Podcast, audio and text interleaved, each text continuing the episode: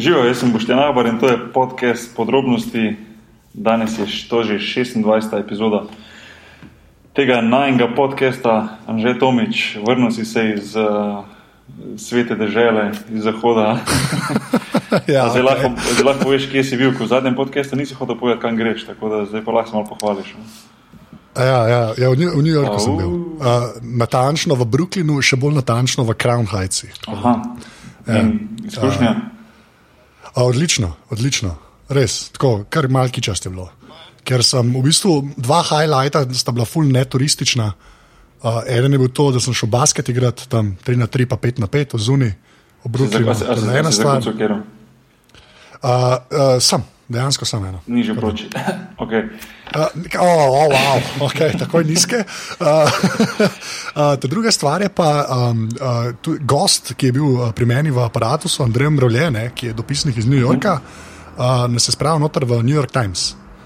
Uh, to je bilo čisto hodno. Cool. Pač dejansko sem bil v New York Timesu, kar se je meni zdelo fancy, sploh ker sem videl, da samo za social medije tam noter skrbi tako mala vojska. Čak, ja. Da ne bodo uh, narobe razumeli. Nisi bil v New York Timesu, mislim, da si bil v, v, v stavbi, kjer oni delajo. Ne, da ne bo kdo mislil, da si bil, kao, veš, kaj mislim. A ja, ne, ja, se ne, ne, ne, ja, ja. Okay. To, to, to, to bi mi šlo pa res slabo, če bi to, da je prišel en podcaster iz Slovenije, to je bilo bed. Uh, to je bilo weird. Ja, ja, bil sem obajte uredništvo noter in red, tako, to mi je bilo dobro. No. Tako da vidiš, kako ogromen, ogromen cajtang zgleda. Ne, čeprav danes današnji gost naj bo še kaj povedal na to temo. Uh, drugače je to, pa pa še kaj, bilo še kaj ja, takega. Če si videl, da je na letališču. Ne? Ja, ne, tako da tole vem, da v Breza poslušal, ne, da to, to je sam za Brezo. Ja, no, v, v obe smeri sem imel, pač v eno smer dva aviona, nazaj dva aviona in nazaj se me, že keso se me usmilili, pa so mi dali zid, kjer sem lahko normalno sedel kot človek. Ne.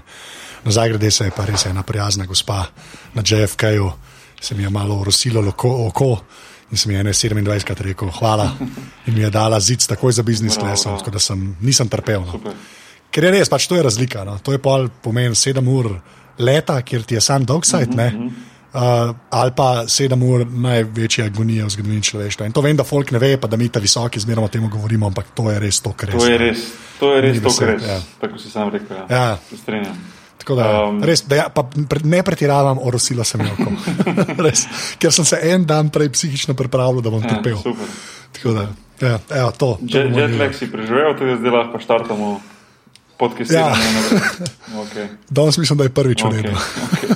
Um, Anže, kje se nas lahko najde za tiste, ki mogoče prvič poslušajo podcast aparatus, oziroma podcast eh, podrobnosti in pa nasploh mrežo aparatus? Uh, ja, vsi podcasti so na aparatu.si, 2P, v imenu, uh, tam je zdaj že 8 oddaj, tam so podrobnosti, pa je moj aparat z glave, ki ga spižamo delava. Ja, potem je še pivotiranje, film flow, bluzanje, upgrade, zdaj je že to, da moram prav pomisliti, glue in pro. pač to, drugače smo tudi na Facebooku, tam poiščete aparatus.si, pa na Twitterju smo tudi, aparatus počrtaj si. Uh, to je to, pa če imate šanso, lahko to, kar delamo, podprete, greste lahko na aparatus.si/slash podpri, res vsak evro prav pride, uh, ker je pa za opremo, pa smo lahko logo te malo prenovili, pa za vse te zadeve gre, pa za serverje. Tako da res, če, če imate šanso, full, full, full. full. Um, pa iTunes je tisti, ki lahko hodite oceno za vse te naše podcaste, da lahko še kdo potem naše podcaste najde. Ali nekaj takega ti rečeš, ponovadi. Ja, ja, to je res. Ja, um, ja, kaj, dejansko pomaga. No, kaj, tako, če par reviewov se dobi, pol te v bistvu iTunes malo bolj porajta, uh -huh. uh, kje je feature. Uh -huh.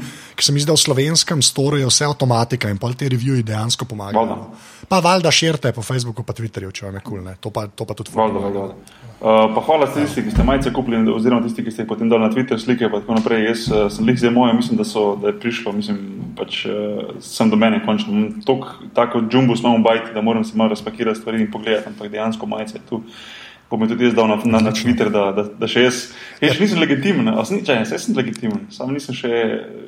Nima še majice. na koncu, zadnje, ješ najslajše prej na koncu. Ja, tebe, tebe čakam, da pa še en kolaž naredim vseh. V bistvu, tako. Ne, tako da, ja. um, nač, danes pa en, en podcast, ki se ga že zelo dolgo veselim, oziroma sem ga že zelo dolgo imel v, v glavi. In, um, je gost, ki je bil že pred tem na aparatu. Um, ampak tako hud, tako močen gost in s takimi močnimi, res močnimi, težkimi težkimi izkušnjami po svoje, uh, da, se ga, da se ga je splačalo prepraviti uh, še na podrobnosti, pa sem prepričan, da, da, da ne zadnjič. Uh, z nami je Boštjan Videmšek, ki se je pravkar vrnil iz meje, turško-sirske meje in bo lahko direktno povedal, kaj se tam dejansko dogaja. Uh, ne samo tisto, kar zdajmo mi prek medijev, ampak kar človek dejansko lahko svoje oči vidi. Uh, full hood podcast, sem prepričan, ko mi čakam, da začnemo. Uh, že, štarte zadevo.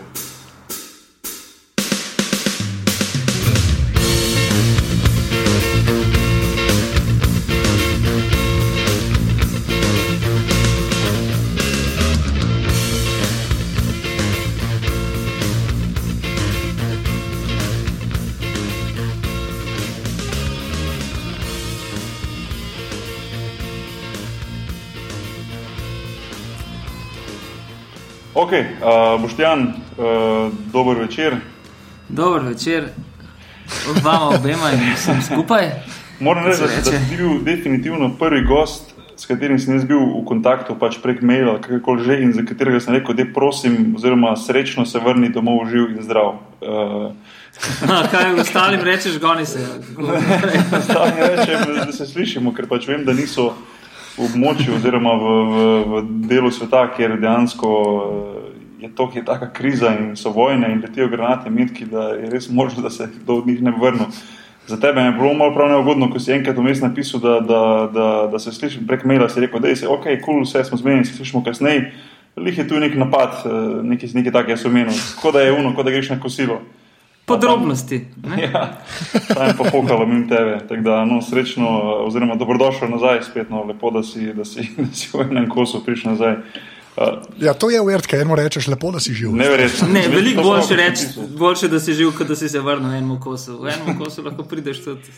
Imaš Ja. prav. okay. Več smo krenuli. dobro, dobro.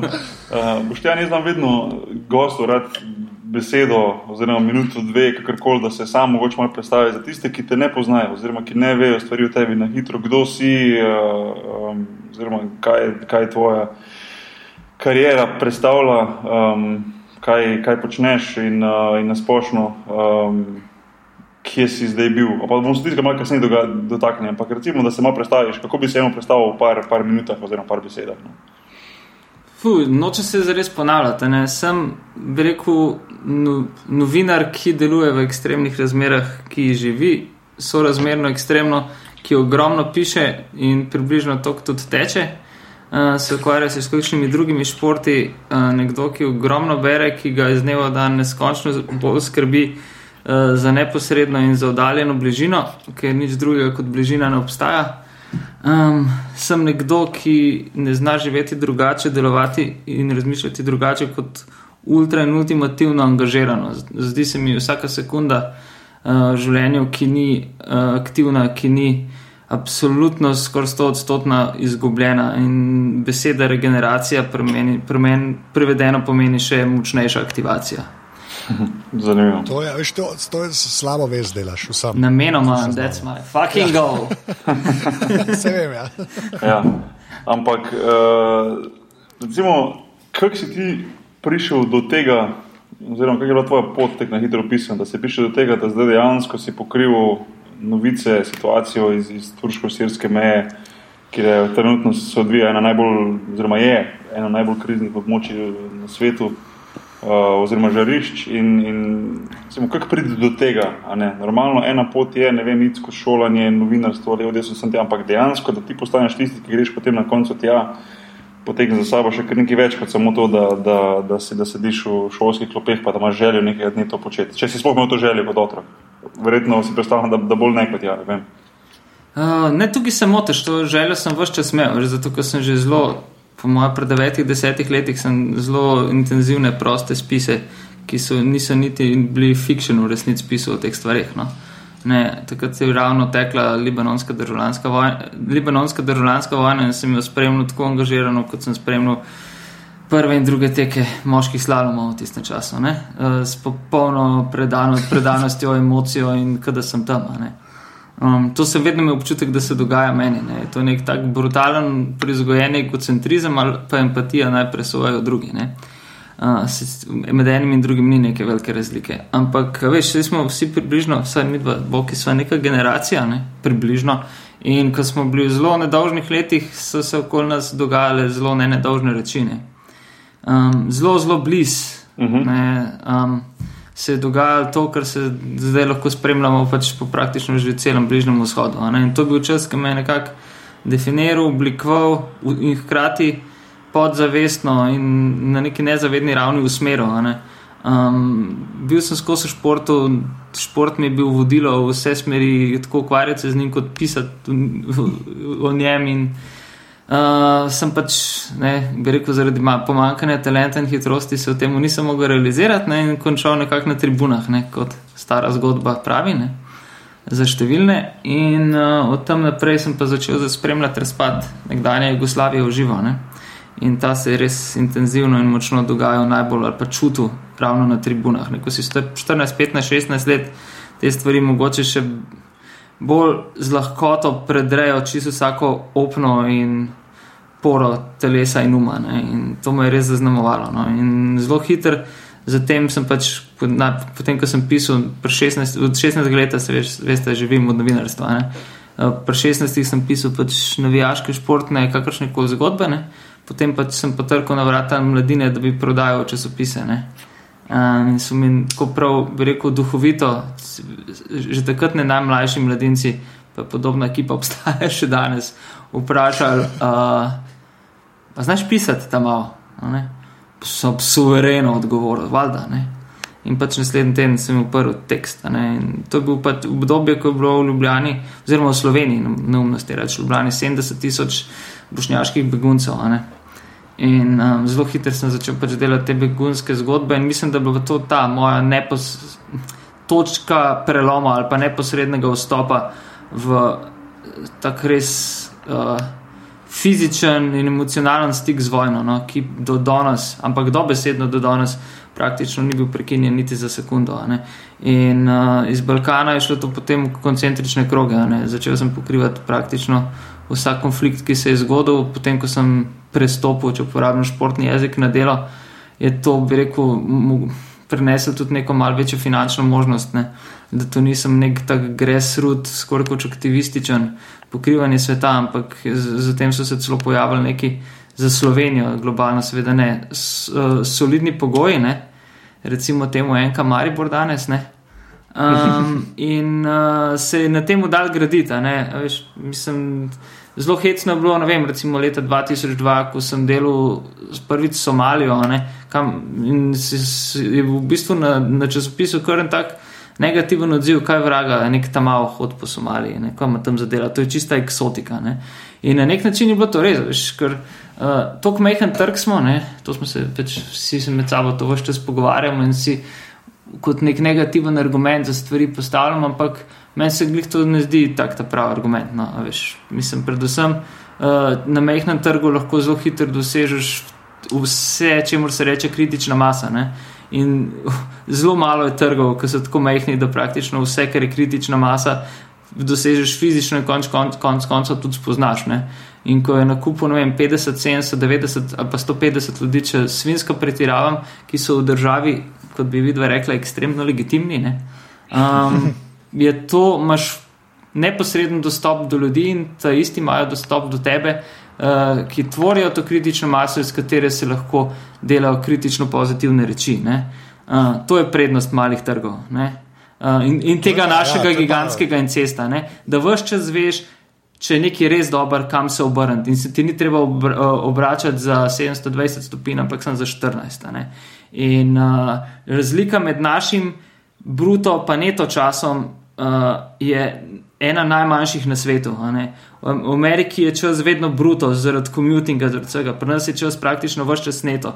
Uh, zelo malo časa izgubljamo za stvari, za katere ga nočemo izgubljati. In če ga ne znamo izkoriščati v, bi rekel, samo realizacijo ali pa bi rekel neko celostno dejanje, smo ponovadi do zdaj, bi rekel, do začetka propada življenja ali pa družbe, ekonomije, kot smo jo poznali, bili za to ponovadi samo odgovorni. Pa vsekakor, kolikor to že zveni neoliberalno, tudi približno ni. Uh. Ja, ampak ta je pa lepa, ta bruto neto cajt. To je res. o tem zdaj- Jaz sem čist pod, zdaj pod vtisom te Amerike, ne. jaz sem sicer že enkrat bil tam. Ne. Ampak ja, to, če je kaj res, je to res. Ne. Ker se mi zdi, da se mi ne zavedamo. Mislim, to, ta bruto neto je v Sloveniji dejansko to pomeni, da imaš ti več dneva za izkoristiti. Dejansko. In to tako konkretno več. To smo že govorili parkrat v pod, tem našem podkastu. Ta večja mesta, oziroma te večje države in to pri nas, ne, ta, ta čas, ki ga lahko bolj izkoristiš mm. zaradi tega. Ne. To je, to je orenk, orenk razlika. Ja. Um, Ker se mi zdi, da bi kakšna, kakšna večja, ali pa tako, kot je Biščan rekel, ne, večji trg, ne, a veš, bi to, bi to hotel. ne. Ja. To, to je res taka, če, če, če, to je ta prvič, ki je uno majhnost, je prednost, ne izpade ja. kot. Uh, Kot, ne, kot, kot, kot un kliše, ne, ki pa zmeraj, pa zmeraj kontraargument, majhnost je prednost, pa rečeš, zakaj pa so vsi, a, ne, ne, ne, ne vem. A Ne, ampak ja, to, ta bruto neto, ne, to je pa dost, dost res. Ja. Čas pomeni, več časa pomeni eh, boljšo kvaliteto življenja. Boljša kvaliteta življenja z kombinacijo s časom pa nujno pomeni družbeno odgovornost. Ne? Uh, pri Ja. legitimnih članih družbe, seveda. Ne? Žbe, ja, to, to, ja. Ne, ampak ok, ampak veš kaj, veš, kaj me pa res zanima. Tako, pa to prej, ki si rekel, da, to, da je to tvoj point, ne, da, da ker sem se dobro, se to je bilo joke, ta slaba vest, pa to ne. Ampak uh, a, ta, a, a, a je to ta, ta glavna komponenta pol aktivizma? Ne? V, v smislu, da te drugače vprašal, a je to tako, pač, da tako, si ti zaangažiran, a ti to tako dojemaš, kot je, kot da kao daješ nek primer, veš, da si tako eksempel drugim ljudem, pa da pač na ta način, veš, kaj jaz od tebe nikoli ne dobim feelinga, da bi ti žugal folko, ne, o, ti si pa premalo zaangažiran v življenju. Ne, Ne, ne, ne, Se mi ne, ne, da ne, ne, ne. To, to je v resnici meji na mesijanstvo, ki je Ja, ja, ne, ampak grozna to- to resno kategorija. ne. Se to ne, ampak imaš to tak folk, ne, in jaz mislim, da eh, pač ti lahko furaš to linijo, da v bistvu bolj z svojim, pač, svojimi Štorijami, dejanji, ne. Ja. Ja, ja, se to ne. Ja. Ja, ampak. Ka- Ja, mene, no, zdaj, ko si rekel, omenjate te štorije, mene pa zanima, um, pa ti, na, na kak način vse ti daješ te štorije ven. Recimo, dobro, sodeluješ pa z, z delom, recimo, in, in vsi, vsi z velikim zanimam, zanimanjem beremo tvoje članke, recimo, kako drugače pa še daješ to ven, oziroma a ti pri tem, pri vsem tem, kaj manjka, si želiš, da bi lahko več dal na kak drugačen način. Uh, Oziroma, ali, ali ti to zada- zadane, to, to tvoje bistvo, oziroma povzame to, kar si ti želiš povedati nam, oziroma deliti svetu, eh, da tvoje izkušnje, videnje in tako naprej. nikoli ni občutka, da je bilo zares dovolj. ne. Uh, in to ta občutek, uh, kako bi rekel, te uh, globalne nezadovoljenosti se stopnjuje. Ne? Uh, z- stopnjuje se z, izkuš, z, ravnjo, z količino izkušnje, z, naraš, z naraščajočim razumevanjem, z poglobljenim uvidom. Ko veš, ko si nečemu blizu, ne enemu rezultatu. Ne, a, ne, ne razmišljam v športnem smislu, bolj po mojem naravoslovnem. Ne? Ko se približuješ neki številki Douglas Adamsovski 42, ne? bi to rad noro na glas kričal. ne. A Veš, če to sliši 500 ljudi, je lahko veliko, pa hkrati nič. Enako velja za milijon, deset milijonov. ne. Uh, nikoli ni dovolj. ne. Mislim, meni delo kot platforma neskončno ustreza v slovenskem prostoru. ne. Uh, ampak vse čas, seveda, sem s tem tudi težave, nekako že z delodajalci v preteklosti, no pa zdaj to pač na nek, nek gentleman's agreement nekako deluje. Ne? Uh, zelo kar solidno veliko objavljam v tujini. Uh, in to pač v prostoru in v časopisih ali pa spletnih magazinih, ki so mi uh, emocionalno in kako bi rekel, novinarsko blizu. Ne. Imel sem včasih seveda nore ambicije delati, pač, ne vem, kako bi rekel, igrati za Premier League. Ne. In na trenutke je pač to tudi preko New York Timesa, BBC-ov, ni teda delovalo. Ne. Ampak uh, te ljudje govorijo popolnoma drugačen jezik in razmišljajo drugače, kot uh, razmišljam jaz. Ne, um, ne morem delovati korporacijsko. Ne. V bistvu sem uh, že zelo hiter, že zelo, že zelo mlad, vzpostavnik, ne samo svoj jezik, ampak tudi svoj način delovanja. In res ne verjamem v objektivistične floskole, v zapisana pravila igre, v akademskost novinarstva. Ne. Tudi novinarstvo, kot novinarstvo, ki se nam ga predstavlja tukaj in zdaj, nekako ne verjamem za res. Ne. Verjamem v absolutno prisotnost, verjamem v participacijo tako v uh, zgodovini, kot uh, tukaj in zdaj. Ves čas je treba nadgrajevati lastno znanje in vedenje, in nekaj takega, kot uh, ko bi rekel, neutralnost na premikajočem se vlaku ne obstaja. Ne? Ja. Če, če kaj Dobro res, se je to res. Ja. Um, no, no, zdaj pa, še kaj me zanima. Um, gre- gremo zdaj, mislim, gremo. Pač, zanima me to bolj dejansko, to, to tvoje potovanje. Mi sem bil na vezi, ah, kako vem, deset nazaj pet dni nazaj, nekaj takega, ko si rekel, da greš v, v Gazo in potem si se javil čez dva dni, da si, da si, pa, da si pa na meji za Sirijo oziroma turško-sirski meji. Ne? Pa mi niti ne sprašujem, zakaj je prišlo do spremembe, kako že, ampak me zanima, koliko se vnaprej planira ena taka pot v eno tako krizno žarišče. Oziroma, kaj, kaj vse to potegne za sabo. Um, ne vem, lahko se tudi kasneje dotaknemo Afrike. Jaz sem tudi bil letos poleti tam in, in vem, koliko potegne za sabo to eni takih logistike, eh, dogovorov vem, za našo skupino, ko sem bil to je bilo enih toliko stvari, da smo lahko prišli tja do Čada in do tistih oddaljenih območij. Eh, Medtem ko se mi pa zdi, vsaj tako občutek sem dobil, jaz pa jim povem, če se motim, da je pri tebi to bilo zelo čez noč, vse skupaj narejeno. No. Jutri gremo v Gazo, pa so bili sirsko turški meji, zdaj si že doma, zdaj, zdaj, zdaj, kar mislim, se mi zdi, da to, to imaš še vnaprej splanirano toliko, ali to dejansko se dogaja pač na narekovajih čez noč, te tvoje, te tvoje potovanje na ta, na te, na te območje. Ma, po mojem, imam več logističnih težav doma, kot na terenu. Ne, ne. ne zdaj, po tolikih letih, ne, zdaj pa torej že, kako bi rekel, 17 let, recimo, ne, praktično z manjšimi zamiki nekega non-stop to vrstnega delovanja in življenja. Ne. To postane lifestyle. ne. Meni to vrstno novinarstvo tudi približno ni poklic. Nikoli v eni sami sekundi tega nisem čutil kot službo. Ne. To sem jaz, mislim, to, to je moja substanca, to je moj driving force.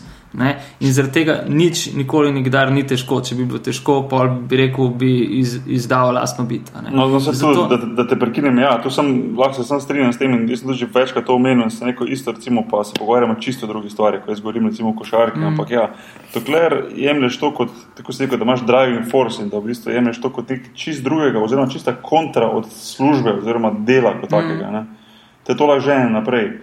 In uh, ja, nečkolikrat si rečem pismo, sam sem res lahko srečen, da, da imaš v lifeu tisto, da počneš tisto, da te nekaj žene naprej, ker si res ne morem predstavljati, koliko je, če, če ostaješ zjutraj skozi pa hodiš na službo, kamor nočeš iti, pa moraš to delati 10, 20, 30, 40 let. Da, Večjega privilegija ni. No. ja, res je velik privilegij in treba malo se, malo se zamisliti na tem, pa malo se, malo se zavedati te, te situacije. Res, res je to, tako se je rekel, dobre besede si uporabil, privilegija. Če bi američan, bi si rekel, I feel so blessed, veš, samo reš, reš nekaj ne bom rekel. But I do. Uh, no, ampak dej, prosim. Čist sorry. tehnično, ne. Ja, lej, mora, mislim, uh, što so. s- s- Vračam se na iste place, zelo velikrat. Ne. Zadnja leta zelo intenzivno. Če bo nekdo pogledal na zemljevid mojih zgodb po zadnjih letih, ne izuzemši Pakistan, pa Afganistan, recimo, se vse zelo v mediteranskem krogu dogaja, ne, in na severu, in na jugu. Ne. Uh, konc koncev, veš, tudi Sirija in Turčija in sta zelo mediteranski državi, ne? in Libanon in tako naprej, ne? in Libija in Egipt. a ne. Uh, vsa ta zgodba arabske pomladi ne, in evropske jeseni, kot sem jo pojmenoval v svoji drugi knjigi, je zgodba sredozemlja, ne, zgodba starega, od starosti izumirajočega sveta. Ne. Uh, to je zelo, kako rekel, organsko, kar gledamo danes, je organski razpad nečesa, kar bi že davno moralo dobiti novo obliko, pa ni. Ampak spet bežimo od tehnike. Lej, jaz se pač odločam za štorijo, da bom delal eh, na dveh nivojih. Ne. Delam eh, zgodbe v daljšem kontekstu, ki jih poskušam vnaprej v roku dveh, treh let razumevati knjižno, ne, v nekem paketu, ne, projektno. In vem, na ta način delam recimo imigranske zgodbe. Vojne zgodbe uh, delam tako, da se dolga leta vračam na eno in isto mesto in probam iskati iste ljudi in slediti njihovim življenjem. To je ena izmed naslednjih knjig, ki jo pripravljam. ne. In uh, Gaza ne, je bila izbrana, ni bila izbrana po naključju, ne, ne vem, da bi pač zdaj, zdaj bi mogel ravno se vrniti iz Gaze, ampak uh, sem šel zato. Uh, zato sem se hotel vrniti, ker sem bil tam tudi letos julija med vojno, a ne, med izraelskim bombardiranjem in sem hotel narediti post-konflikt. ne. Uh, human interest zgodbe, te, ki me najbolj zanimajo, čist človeške usode, je seveda, ne bomo rekli, zakaj točno, a ne, ker je obvious, lažje delati v post-konfliktu kot med konfliktom. a ne. Malo. Uh, Ja. ja, ampak to je Malo- malo tehničen, epoha, ne. tehničen odgovor na tehnično vprašanje v resnici. a ne. Ne, vse je, ja, ne. Ja, imamo poka, basically. Ja, pa, veš, pa tudi ljudje imajo mogoče malo več uh, možnosti reflektirati lastno situacijo in ne delovati samo z refleksijo. Normalno se to za sabo potegne ogromno stvari. Seveda. Se, se, se, mislim, vojno pa, pa po vojno stanje, pa mislim, so morali take spremembe pri ljudeh samih. Seveda, ne. Ti ne. od njih vlečeš ven zgodbe v bistvu. Ne. In, Ampak ravno ta, to, je- to, to je taka tudi mentalno-fizična tranzicija ne, iz popolne travme v posttraumatski sindrom. Ne, in tukaj prideš človeku mogoče celo najbližji, ne, takrat je res najbolj odprt. No. To je, da veš, ljudje v vojni in ljudje v popolni, ljudje v popolni bedni, ljudje v popolni euforiji so najbolj resnični. Ne. In to je tisto, kar mene mogoče v, v mojem delu najbolj fascinira, no, da dobivam, da prihajam v stike z najbolj ekstremno možno obliko bivanja. Ne. Uh, Sam kaj, euforija dejansko, jaz bi prej pričakoval, da, pa, da je pri depri, ti dam prav, pri euforiji je isto. Pri euforiji je isto. Lej, rekel, čist zelo najbolj banalen primer. Zakaj? Koliko ljudi, oziroma futbolerjev, je dobil drug rumeni karton v 91 minuti in polni igral četrt finala, bi izključen s mini finala, zaradi tega, ker je bil tako noro srečen, ker je dal gola. Ne? Ja, To je refleks, to, ni, to je razlika med refleksom in refleksijo. Ne? Tako, da odrez dol in videl tisti, je vedel, o kurac. Ne? A veš, bilo je pa to Ja, ja, ja. popolno slavil.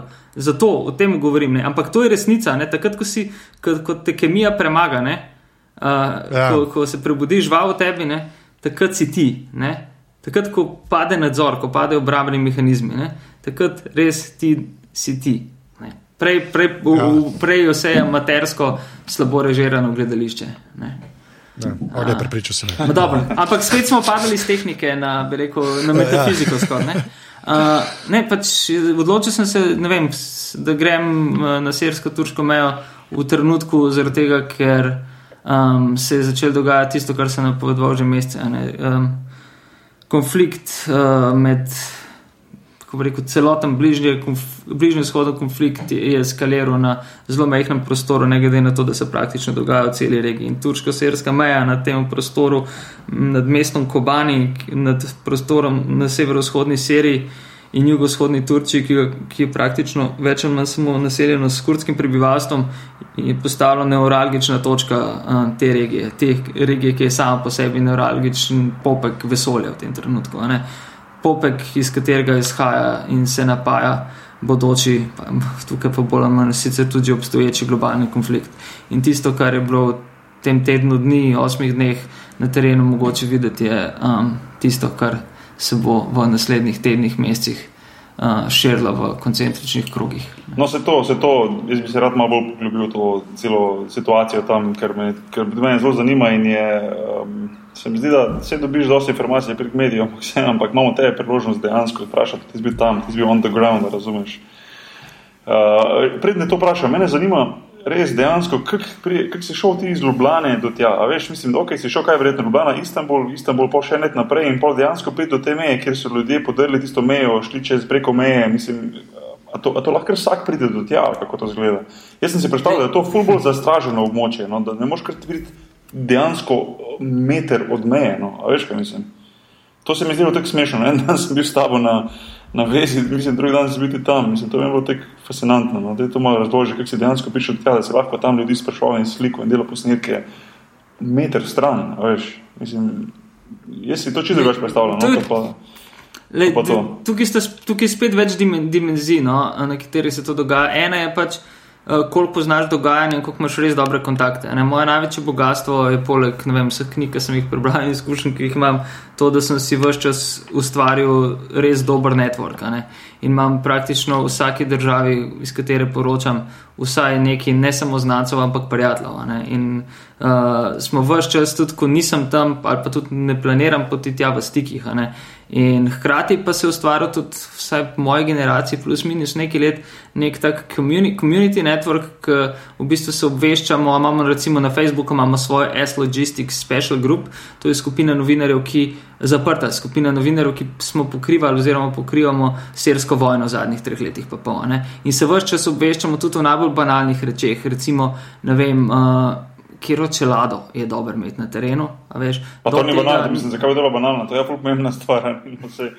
Dobar, za nas je to banalno, malo manj banalno, recimo, kam točen pa res ne smeš iti. ne. Mhm. Ampak, okay, oboje ima pa eksistencialno vrednost, ja. je Ja. enako, ni banalno. Ja. Ampak, ne, veš, v, v takih, ne, in ko se pogovarjaš o takih rečeh, veš, tudi vedno veš, recimo, ne vem, uh, sirsko-turška meja je dolga stotine kilometrov. a ne. Uh, točno prideti na mesto v točnem trenutku, ko kurdi podrejo mejo in iti z njimi v Kobani, kjer v tistem trenutku ni bilo enega samega zahodnega novinarja, ne, oziroma smo v tistem trenutku pač ti si šel dejansko čez mejo tudi tja, ali kako? Pravo mesto Ja. si šel. Ja, ja, seveda.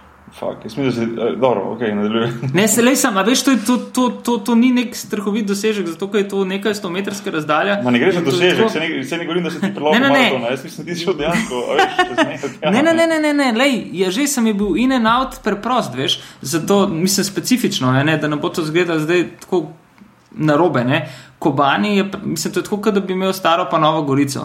a veš, ko si ti čez mejo, ne, mesto loči uh, železniška proga, pa zelo, zelo šebi uh, bodeča žica. Ne. Um, seveda z namenom, ne, to je bil prostor, preko katerega si hodila vrsta različnih uporniških milic, oziroma njenih pripadnikov iz Turčije in tudi iz drugih držav preko Turčije v Sirijo. Ne.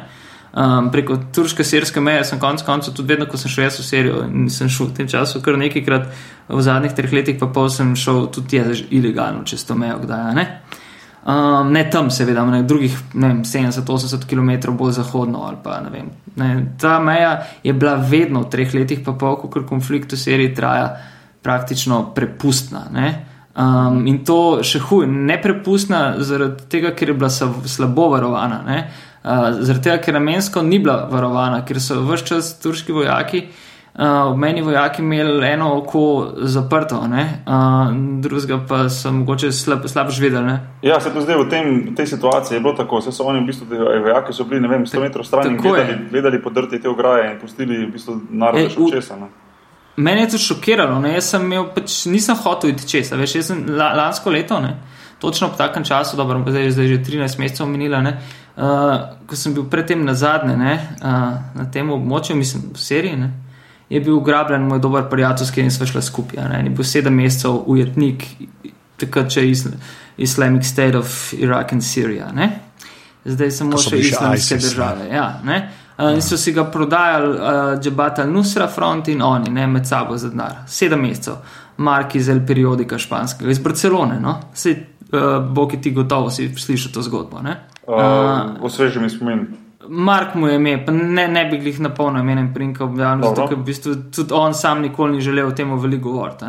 Zdaj je dobil uh, špansko nagrado za vojno poročanje, no, skupaj okay. še s tremi kolegi. Ne, ne, ne poznam, nisem, nisem, ni- ni- nisem, nisem to sledil. V bistvu moram priznati, da sem zdaj v zadnjem času začel to bolj slediti. No. Poznal sem svojo situacijo, pa to, ampak od, zdaj, odkar si bil ti, sploh odkar si bil pri Anžetu eh, gost na, na aparatu, so mu hkrati omenil, tisti, ki niste poslušali, dajte počekirati ta podcast. Tak, jaz sem tebe sicer že prej poznal normalno in sem uh, te spremljal. Kak notranji branding je tole? Ne, ja, ne pa to, ne pa to, ne pa to pobliže, kot zdaj, ko že mogoče prav religiozno berem uh, tvoje, tvoje članke in čakam, kaj bo mi prav potegnilo noter. No. Um, Teda, ja, no, hočem reči, da prej nisem, zdaj pa, zdaj pa definitivno bolj, bolj pobliže to spremljam. Tako da, um, no, no, no, pa, sej, jaz sem, sem te prekinil, če ne imam že, imam že naslednjo vprašanje, ker se mi kar tek rola poglavi en za drugim.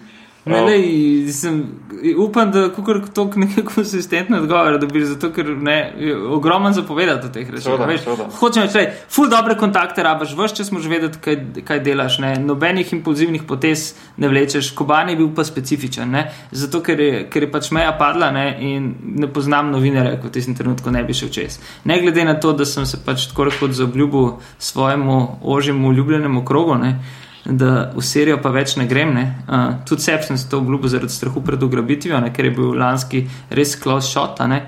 Um, sem pač to naredil. Ne. No, Uh, in, To te moram prekiniti, zato ker si, jaz sem to si že tudi premislil, da si pri Manžetu, ko sta govorila takrat, da si takrat rekel, da se bo zdaj malo distanciral od tega, da to ne boš več. Pa pa Ja. greš tja noter, ne. In lik dan spet berem, recimo, da so pač usmrtili že četrtega zahodnega tal, talca, mislim, Mm. ne, Britanci in tako naprej. Ko enkrat pokrivaš te situacije, a imaš to uno in the back of your mind, tako reče, ali te dejansko to toliko potegne noter, da to čist potišneš na stran in si samo sfokusiran na to, kaj boš doživel, kaj boš videl, kaj boš napisal. Da, da, ti, da ti ta želja po vsem tem toliko premaga, to ta strah, da, da se šele potem zaveš, da rečeš, pis, da sem, ti sem res glup. pizda." A veš, da Ne, si lej, šel tja. A ne? eh, Ker se mi zdi, da, oprosti, če bom narobe rekel, ampak malo moraš imeti eno, Ti se malo moraš biti fucking po svoje. Ne, ne, ne, neke pozitivne retardiranosti mora biti prisotne, ja, nedvomno. Ja. Ne, ne, se strinjam. Ne, ampak, glej. Prosim, uh, za ta grd izraz, sem drugega ne znam. Le, lepš ne bi mogel povedati. Ja. ampak, uh, na začetku je bilo to pač mešanica radovednosti, strasti in norosti. Um, norost je, bi rekel, veš, manj kot je strah, bolj si neumen, ponovadi, po moje. Ne? Mene pač tako do, ne vem, več 2003, recimo, sem šel peš čez iraške hribe skupaj s, turško, s pripadniki turške delovske stranke, zdaj tako je bil najhujši konflikt med, Irak, med Turki in Kurdi, peš v iraško vojno, ker so bile uh, meje zaprte. In ko sem prišel v Irak, sem bil srečen, ker sem izdelal, da bi prišel na Maldive. Ne? Uh, temu, temu se reče, to ni pa malo. Temu se reče radikalna motenost. Uh, ampak to se je potem začelo, to se je začelo full to. In zdaj za nazaj, ne da se sramujem teh občutkov, ampak se mi zdi, da se je to dogajalo nekomu drugemu, ne, da sem izstopil iz tega uma in telesa. Ne. Zdaj že kar nekaj let delam stvari v, kako bi rekel, kolikor se le da racionalno v iracionalnih okoliščinah. Ne. Uh, ampak zato, ker pač uh, sem mogoče tudi življenjske prioritet, prioritete se mi malo zamenjale in ne vem, me je bilo vedno bolj strah v resnici za tiste, eh, ki jih je strah za me, kot uh, za samega sebe. Ne? In to se je tako začelo stopnjevati, da mi je že obsesivno, kompulzivno motnje ratala, um, kaj si drugi mislijo oziroma čutijo ob tem, uh, kar jaz počnem. Ne? In Uh, hkrati za nazaj, ko gledam, je bilo veliko stvari, tisto, če moram jaz reči, zelo grobo ego safarija. Ne? Stvari, ki so bile res namenjene same sebi ne? in niso imele nekega, kako bi rekel, primerno novinarskega uh, odjeka. Ne? V zadnjih letih pa tudi sodelovanjem z, z večjimi tujimi časopisi in spletnimi portali in s knjigami, pa so stvari dobile vsaj za me nek intimen smisel. Se mi zdi, da pač um, sem dobil nek glas javni glas, s katerim, in v trenutku, ko sem ga dobil, je postala moja neskončna odgovornost, da je ta čim bolj artikuliran, jasen, logičen, racionalen in vse prisoten. Um, zdi se mi, da pač vse ostalo bi bil eskapizem. V trenutku, ko imaš možnost povedati, ne, uh, pa vse čas govoriš, fakt, ne, prihajam od nekje, od kater, kjer je čisto vse en, kaj govorim. Ne? Ko pa mo imaš možnost, da govoriš na glas in da, da se ti sliši, uh, pa da se v tistem trenutku umakneš, zajebeš sebe za nazaj, sproti in za naprej, hkrati pa še publiko. Ne? Kaj pa, a, imaš ti? Hm, pa te zdaj vprašam za Slovenijo, ker si jih publiko omenil, ampak to, to me res zanima. Imaš ti v glavi, komu ti to pišeš? Aj, kaj hočeš reči? Hmm ker pač, zdaj pa zdaj govorim za članke, bolj za članke, kot za knjige. Ne? Ampak tako imaš ti v glavi, zdaj pa za Slovenijo, res, zdaj pač tu je Cajtang, pa portale. Ampak tako imaš v glavi, komu ti to pišeš. Mm. Imam v glavi, komu to pišem, ampak nikoli ni, kako bi rekel, v Italiksu napisano to nacionalna komponenta. Ne. Nikoli ne pišem to za slovenskega ali pa za uh, novozelandskega bralca. Ne. To vedno pišem za človeka uh, s saj kančkom etike, uh, dru in družbene osveščenosti, pa bi rekel, ne načete otroške radovednosti in čudi. No, vse to sem te v bistvu hotel vprašati. Če imaš ta, veš, se mi zdi, da če te teme pokrivaš, je drugače, če bi sam futbol pokrival. Ja. Veš, o, ja. Mislim, mislim tako, vsaj kaj, kar si moraš.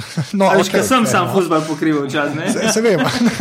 ampak tako, veš, se mi zdi, da pač to, ja, ampak to, če si rekel ta radovednost, pa to ne, da imaš v glavi, da v bistvu to pač za te ljudi piše. Vse na to, to je tako težko v bistvu vprašati in pol v končni fazi odgovoriti, ampak se si lepo rekel. No? Ampak se mi zdi, da je. Ta, ta, ta preskok je res, to je tudi Boki že prej rekel. Veš, to, je rekel, da ti lahko prideš do meje. Ne vem, da tepe to, pa pol banalno, pa čelade. Ne? Ampak veš, to, edini stik imamo mi s tem, ne? da, da stvari pač vidiš. Ne? Ali pa tako bom rekel, zdaj je to, veli, imamo tudi mi, samo kot odjemalci tega, veliko več lahko vidiš, kot si včasih. Ne. Absolutno. Ne, veš, pa tudi lej, včasih, ne, ne vem, 10-12 let nazaj, ne, ko sem šel na teren, sem sabo, ne vem, mogoče dobil sposoben satelitski telefon. Ne, In vse, kar ja. sem lahko naredil, je pač to, da sem tam, ko sem nekaj časa bil, in sem potem, ne vem, eno uro pa pol oddajal tekst pa eno sliko. Ne. Zdaj, ne, tako se spomnim, recimo leta 2000.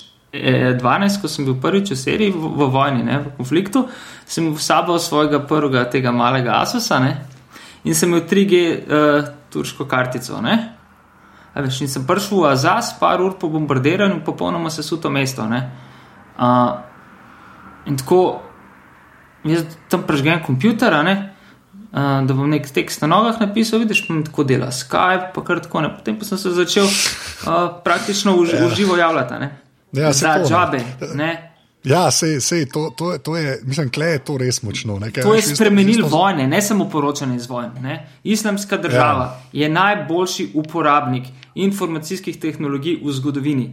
To je reality, o, reality show o reality showu. Oni so vzpostavili ja. novo obliko, najvišjo obliko snaf filma v zgodovini. Ja. Vrš čas vejo, kaj delajo, vrš enega na ključjani, najbolj strukturiran produkt, bi rekel, aha, Pentagonskih studijev. ampak, škame še, ampak to, kar si rekel, ne, to, kar uporablja. Ampak, uh, kako, kako je pa kle z netom? To vem, da se tako, ampak kako je res, pa zdaj, kar si bil. Vso dela. Puško, De, dejansko dela. Povsod dela. Okay. Tudi noter v seriji, vedno, veš, ser, ma, ja. ma, del serskega mobilnega uh, mreža se seveda zrušil med vojno, ne? ali pa deluje moteno. Ja. In to so seveda pač kur, uh, so turki mojstersko izkoristili, pojačali resi, uh, oddajnike in to dela 20-30 km v ja. sersko območje. In je simpel in dela full dobro pismo. No, tako pač, veš.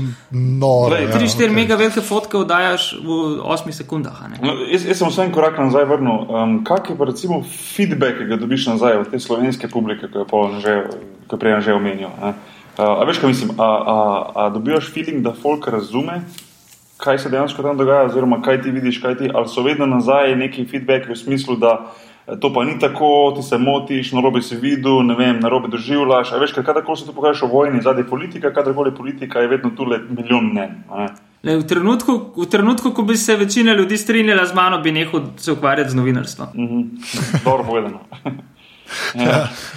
Mislim, uh, feedback je seveda iz teksta v tekst. Iz teksta v tekst ali pa iz meseca v mesec močnejši, ne? tudi seveda zaradi neke povečane, ne vem, let's be honest, javne prezence, ne, ne bomo rekel uh, lažno skromni in maksimalno šabni ob tem.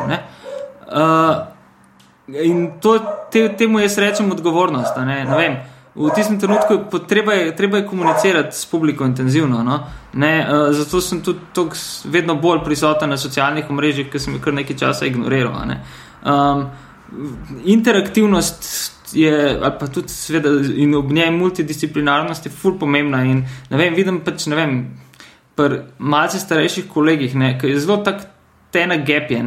Med tistim, ki so ja. ostali v letu 1831 ali pa v malce komaj že v gutenbergskih časih, ne, ali pa tistih, ki smo rekel, uh, rastli v dveh državah, v dveh ideologijah, in uh, v analognem in v digitalnem svetu. Ma to je maksimalen privilegij, če imaš to za sabo. In ja. uh, na tem probam zdaj stvari graditi, veš, delati nek old school žurnalizem v, rekel, v modernem svetu. No? Ne? Tega pa ni veliko, no? zelo se zavedam, da nas takih res ni več veliko. Ker ko sem začel delati te stvari, sem bil absolutno najmlajši. Ne? Zdaj, ne, uh, pri 39 letih, tudi približno nisem več med tistimi, uh, ki bi jih kdo čudno gledal, kaj pa ti kle delaš. Uh, sem že tam, bi rekel, v tretjini gorni um, razpadajočih starcev. Ja, ne, sam ta, ta old school v digitalnem ne, je pač ibar važen. Yep, v tem govorim, stari. Mal, Ja, se to, ker malo ljudi je, v bistvu vse to si lepo rekel, ne? ampak ta, jaz, ta, ta, ta generacijski prepad, ki je kle nastal, sploh zdaj, če novinarsko srednjo mm. gledaš, je brutalen in nor in to je veliko, pač velik faktor, kako je narobe vse skupaj ne, v medijih. Ampak, pač to, da, ampak teh ljudi, kot si ti, recimo, ki pa dejansko delaš ta, pač, kot se reče, old school v pač digitalni dobi, ne, tega folka pa dejansko manjka, pa ga dejansko, manjka ga pa res samo zato, ker se pač eni niso prilagodili. Ne, bom rekel, v narekovajih, ne, mlajšim, ne, pa ta šansa sploh nikoli ni bila dana. Tako, ma, uh, sam prvi del si na robe ocenil. Uh, niso se prilagodili zato, ker se jim ni bilo treba. Ne? Zato, ker tudi v zasebnih časopisih vršče zvlada logika javnih servisov. Uh, logika monopola, logika samoumevnosti, logika to preprosto nam pripada, ne glede na to, kako dobro delamo, če sploh delamo, to je moj job in boli me kurat za vse ostale. Fair enough. Ne, Ja. To je prevladujoče stanje duha, tako na javni televiziji, kot na mojem časopisu in še marsikje druge. In to je tisto, kar bo marsikoga uh, kmalo tudi pokopalo. ne. Um, v Sloveniji se velika čistka v novinarstvu tudi približno še ni začela dogajati. Ne. Mi tudi še na začetku gigantske tragedije konca Gutenbergovskih časov nismo dosegali. Ne. Mi imamo glede na to še vedno uh, tri zelo velike, uh, zelo velike časopise, ki imajo, glede na število prebivalcev, enormno naklado prim, v primerjavi z drugimi, v narekovajih, resnimi časopisi po reku, uh, relevantnih evropskih državah. a ne. In število zaposlenih je čudežno visoko. a Ne? Velja tako tiho pravilo, a ne na tisoč bralcev, uh, en novinar. a Ne? ne bom povedal, koliko Ja. imamo mi zaposlenih novinarjev, a ne. ker mi bo sindikat pribil na drevo in razkosal. Mene pa zanima zdaj dejansko res, kaj se, kaj se dogaja v Siriji. Oziroma, veš, ne res, to je pa tisti glavni del, ko sem že bil tam in bi rad videl, da mogoče lahko zdaj, ok, ne bomo zdaj deset ur tem razglabljali, ampak vseeno, da, da za, za tiste mogoče, ko pa v tem nisem spremljal, ampak sam slišal pri dnevniku, v napovedniku, da je neki tam. eh, Neki padla, neka granata, neka bomba. A Veš, kaj mislim, eni, ki zelo, zelo bežno to vse skupaj spremljajo, pa, pa tudi mogoče spremljamo, ne vem, jaz ne bom sebe hvalil, da jaz pol nekaj vem. Kaj se dejansko tam dogaja, kakšna je tam situacija? Uh, mislim, da je malo to, da je malo to upiši z, z, z, s tvojim videnjem, oziroma s tvojim pogledom. Mogoče tudi malo preteklost, kako leto, dve nazaj, pa še več, če bo treba, pa potem, da prijemo do zdaj, do te situacije, ki je trenutno dejansko danes tam, oziroma ki se zdaj tam dogaja. Lej, bom, bomo začeli tukaj in zdaj in se vrnili. In se bomo od posledic vrnili k vzrokom. Ne? Danes smo že v fazi, ko bližnjo-vzhodni konflikt ali pa sirska vojna ni več sirska vojna in ni več bližnjo-vzhodni konflikt, ampak je to del enega velikega, naraščajočega globalnega konflikta. V tem, to je izhodišče za pogovor o vzrokih za njega. Če se vrnemo recimo v leto 2003, v april in uh, v rakete, ki so letele z um, napisom Iraki Freedom proti Bagdadu, ne, um, in so dejansko prinesle neko neverjetno svobodo v Irak. Ne. Tako svobodo, ki je pomenila, da v bistvu uh, lahko praktično vsak ubija vsakega in zato ni kaznovan. A ni to maksimalna svoboda? Vakum. Ne, ne, ne, ne, ne, ne, ne. Vakum je politično korekten izraz za absoluten kaos. Ne? Okay. Uh, in ta, ne, v, v Irak je dejansko prišla neverjetna količina svobode. Ne. Svobode v. Pol je to za, li, za libertarce, hočeš reči. je. Ja, ampak za, take, za neo, neo, neo, neo libertarce. Ne? Veš, Aha, to je okej. to je družba, ki je bila seveda totalitarna. Ne? Saddam Hussein je nesporno vojni zločinec, ne, ne samo zaradi halabče, tudi zaradi nasilja nad ši- nad šiiti, za- zaradi, vsem- zaradi odnosov do vem, sunitskih. Uh, političnih uh, dizidentov in tako naprej. Ne? Je bil pač detroniziran, razpustilo se je njegovo stranko, ki je praktično bila prisotna v vsaki družini, razpustilo se je iraško vojsko, edini, bi rekel, temelj uh, iraške državne unitarnosti. Irak je seveda umetna državna tvorba, tako kot praktično vse bliže vzhodne meje. Uh, ameriška okupacija je popolnoma spremenila uh, razmerja in razmere v celotni bližnji vzhodni regiji. Bližnji vzhodni regiji, ki je že prehajala v fazo velikega socialnega vrenja, ki pa je bil, kako naj rečem, underreported. To je bil čas, uh, ko so se pojavile prve resne spremembe, klimatske spremembe, uh, ko, se je začela, ko se je prostor že tako suh in, ko bi rekel, fizično dehidriran, začel se bo, še bolj sušiti. To je bil čas, ko so začele enormno naraščati cene nafte. Uh, to je bil čas velikih, uh, začetka velikih ekonomskih sprememb, finančno-gospodarskih v širšem svetu, že napoved prvih kriz.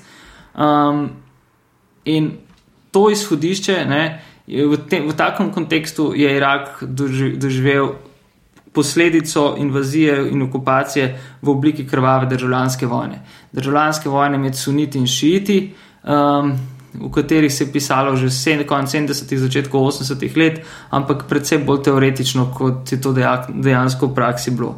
Um, po neki logiki, klasični logiki deli in vladaj, se je um, oblast v Iraku podelila šiitom, zaveznikom na nek način ameriški, v, v ameriškem boju proti Sadamu Huseinu leta 91, uh, v nekem maščevalnem odnosu do manjšinskih sunitev in sunite se je v celoti marginaliziralo. Sunite, ki imajo v zaledju Saudsko Arabijo, Saudsko Arabijo, ki je v večnem naftno, ekonomsko in seveda tudi religioznem sporu s šiitskim uh, perzijskim Iranom. Uh, v večnem sporu za obladovanje regije, več, v večnem sporu za obladovanje uh, naftnih poti. In uh, v tistem trenutku, ko je Irak padel, so vsi zunani igravci, pa ne govorimo zdaj o Združenih državah in bi rekel koaliciji Olnih, ne, ampak o ključnih igravcih v okolici, Turčiji, takrat še seriji Assad, uh, zdajšnji veliki borec proti terorizmu, kakšna svinjarija od oznake je to, je preko že takrat zelo šibke iraško-sirske meje uh, prosto pošiljal doma vzgojene sirske borce svete vojne v vojno proti ameriškim okupatorjem, ki so se pridružili takrat nastajajoči uh, Al-Kaidi uh, v Iraku in Mezopotamiji, um, nekemu fizičnemu predhodniku uh, današnje islamske države. Um, Hkrati so se iraški zapori napolnili z ljudmi, ki z islamskim skrajnim islamom niso imeli nobene veze, med njimi je eden izmed njih tudi današnji veliki kalif islamske države in vodja lete, Abu Bakr al-Baghdadi, ki je pet let preživel v zaporu v Basri in je tako rekoč iz zelo zmernega, bolj ali manj samo uklicanega klerika postal naslednik. Uh, Ko bi rekel, Osame bin Ladna, tako radikalen, da se ga je odrekla še Al-Kaida sama. Um, ja, to, je, to, to je bila najboljša novica, ki sem jo videl. Ja, ja, ne, samo veš. Ja. Tam, tisti, ki obvladajo PR in um, politično uh, teroristični marketing, vedo, kaj govorijo in delajo. Uh, obvlada ja, ga pa zahod, ne vzhod. Ja, seveda, smo, to je izvozni produkt. Ne. Nismo izvozili demokracije, ne, smo pa izvozili uh, politični marketing mojsterstvo in informacijske ja. tehnologije, seveda. Kašen depresiven stavek. Mislim, da it works, to je delujoč. Ja, za nekaj, kar deluje, težko reči, da je depresivno. Ne, to, če si akter, res, ja. seveda. Ne. Navijač, seveda ne. ne ampak in. Uh, Hočem povdariti, da se, če, če govorimo o današnji seriji, temeljni greh je gotovo ameriška invazija na Irak. Jaz islamsko državo, to veliko, po mojem, še vedno precej nevidno, prijetno globalnemu meru, uh, vidim kot neposredne potomce um, ameriške zunanje politike, kot bastarde uh, zelo aktivnega dolgoletnega spolnega odnosa, fino namazanega z nafto, lubrikantom, vseh lubrikantov med Združenimi državami in Saudsko Arabijo. Uh, vidim jih kot uh, mojsterske podizvajalce turške zunanje politike. Um, vidim jih kot nekoga, ki po drugi strani, na eni strani Turčija v popolnem kaosu regije izkorišča, da prepreči nastanek unitarne kurdske države, uh, države naroda z največ prebivalci, ki nikoli ni imel države, 25 milijonov ljudi se razteza preko Sirije, Turčije, Iraka do Irana. Um, in ravno mesto Kobani, odkud sem se vrnil, uh, je zdaj ta ključna točka na zemljevidu. Če boste pogledali, ki. Um, bi v primeru paca onemogočila kakršno koli kurdsko povezavo. Bi onemogočila povezavo sirskih kurdov z iraškimi kurdi. Z iraškimi kurdi, ki so po pacu Sadama Huseina leta 2003 um, že živijo v de facto avtonomni državi, le na papirju ta država ne obstaja, dejansko pa obvladujejo svoje, svoje naftne in plinske zaloge, ki so enormne, obvladujejo um, svoje meje, obla, imajo svojo vojsko v obliki, obliki pešmerk in imajo svoj parlament. Ne? In tudi živijo bistveno bolje, kot se je živelo kadarkoli, kjerkoli v, v Iraku. Mogoče v času Babilonskega stolpa je nekdo užival bolj, kot se imajo oni, dobro, do prihoda islamske države, seveda na njihove meje letos junija. Samo oni so jih zaenkrat, kot jaz vem, ne, so jih pač relativno zadržali. Mislim, kaj not niso prišli do Kurdov, pač ta ISIS ni prišel ali ne. In ne čakaj, ISIS je v doiraških Kurdov prišel in bijajo trde boje. Imamo pa sirske Kurde, ne, ki so izgubili 360 ja. vasi v zadnjih 15 dneh. In je samo še Kobani, Odlično. malo mesto, ne, ki je imelo pred Frko, pred parimi meseci 60 tisoč prebivalcev. Ko se je začelo sranje, je v njega zbežalo 340 tisoč ljudi, skupaj 400 tisoč prebivalcev, danes pa v mestu še od 8 do 10 tisoč ljudi in mesto zgleda kot Vukovar.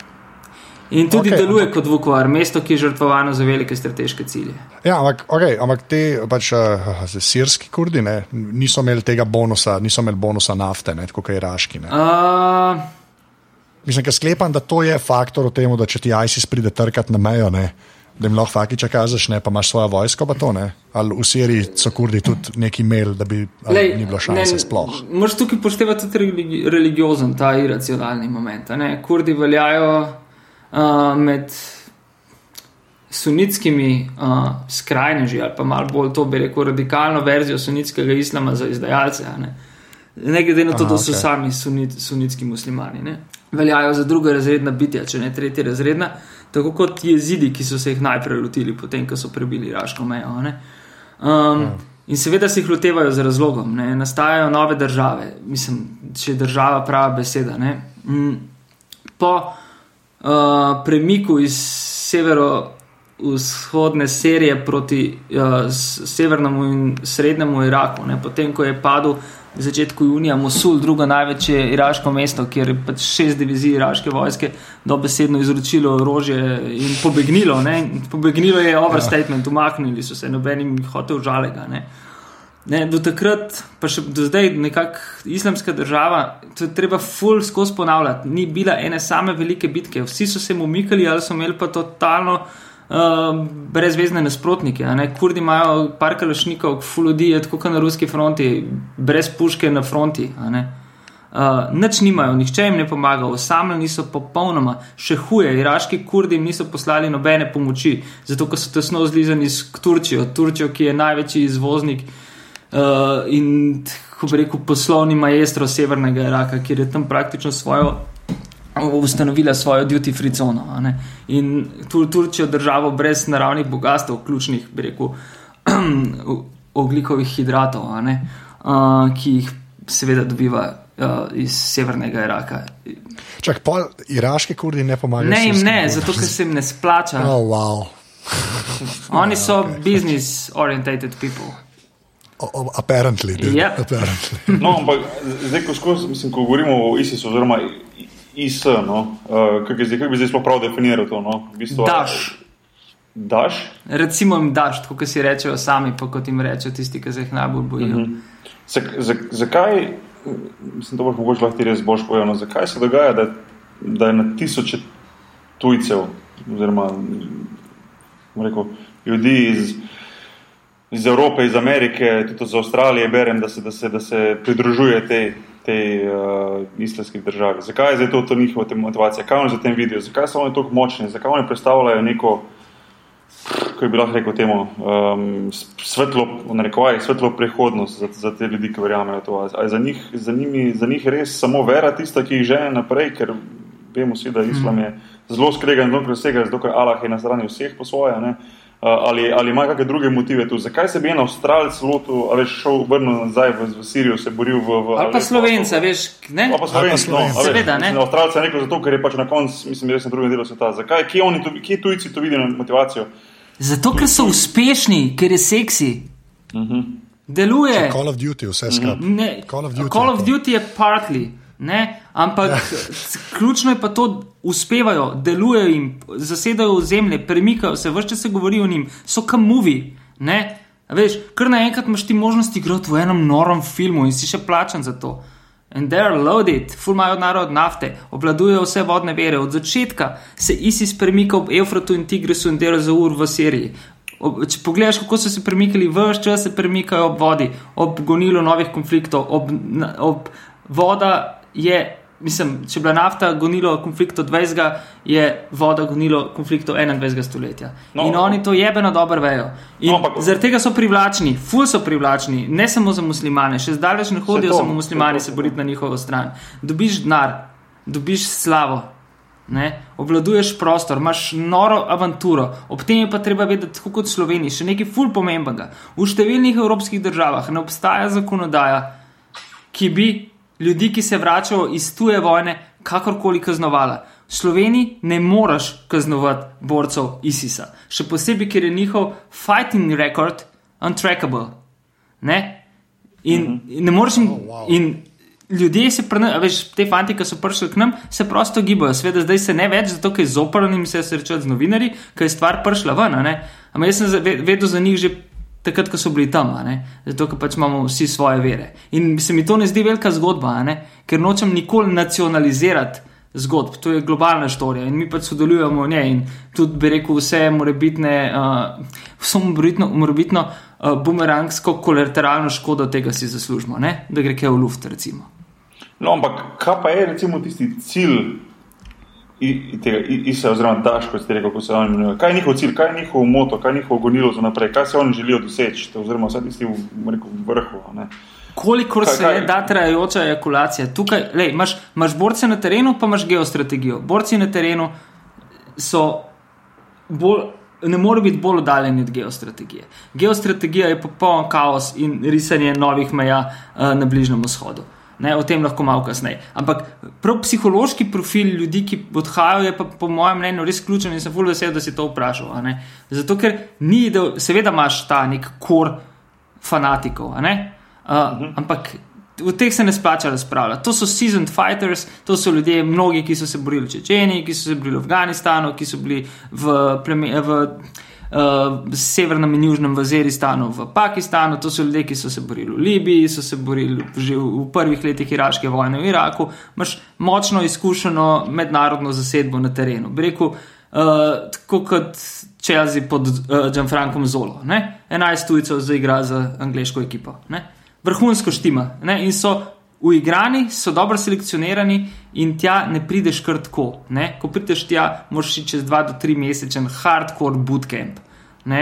In če tam zajebeš, tam je prav selekcija, prav je radikalna. Imajo to strukturirano, vse to. Seveda, imajo širok ruster, imajo nabor, lahko si prvošijo uh, fultalentirane, bi rekel, igralce, metati.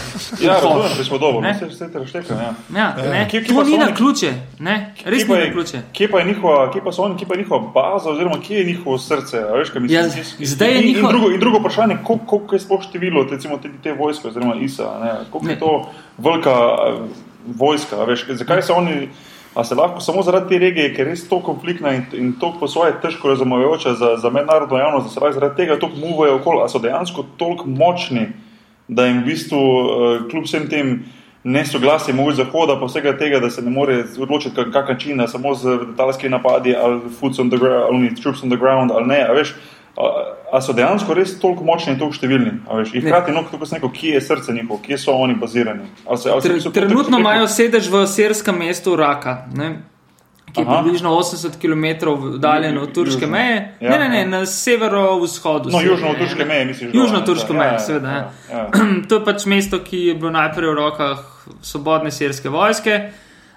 Eh, ki sekularne uporniške skupine iz začetka sirskega, že pozabljenega sirskega upora, ki je bil potem grobo posiljen in privatiziran strani uvoženih sunitskih milic. In s tem se je sirska vojna, prevedla tudi v državljansko vojno, uh, sektaško vojno. Uh, Raka je prostor, ki je bil vedno z lahkoto dostopen iz Turčije, je prostor, ki je bil, bil prvo več, večje sirsko mesto, ki je bilo v celoti v uporniških rokah in tam se je dalo nadzirati, in je tudi relativno blizu iraške meje, ne? ni zbrano po naključju, seveda. Ne? Je zelo strateško pomembno mesto, je hkrati tudi blizu vseh vodnih verov in zelo blizu tam so tudi ključne sirska naftna polja, ki so jih v zadnjih dneh ameriški, ne samo ameriški bombniki bombardirali. Ne? Veliko bolj bombardirali tisto, kot bi morali bombardirati. Po mojem mnenju, položaje, če že kaj bombardirati položaje, isi se okoli ogroženega kurdskega mesta Kobani, ki je oddaljeno kakšno uro vožnje. Um, pikapi od tam.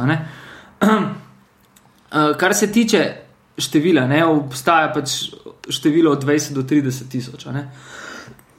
To število niha. Ne. Težko pa je reči, koliko teh ljudi je dejansko v fajtu.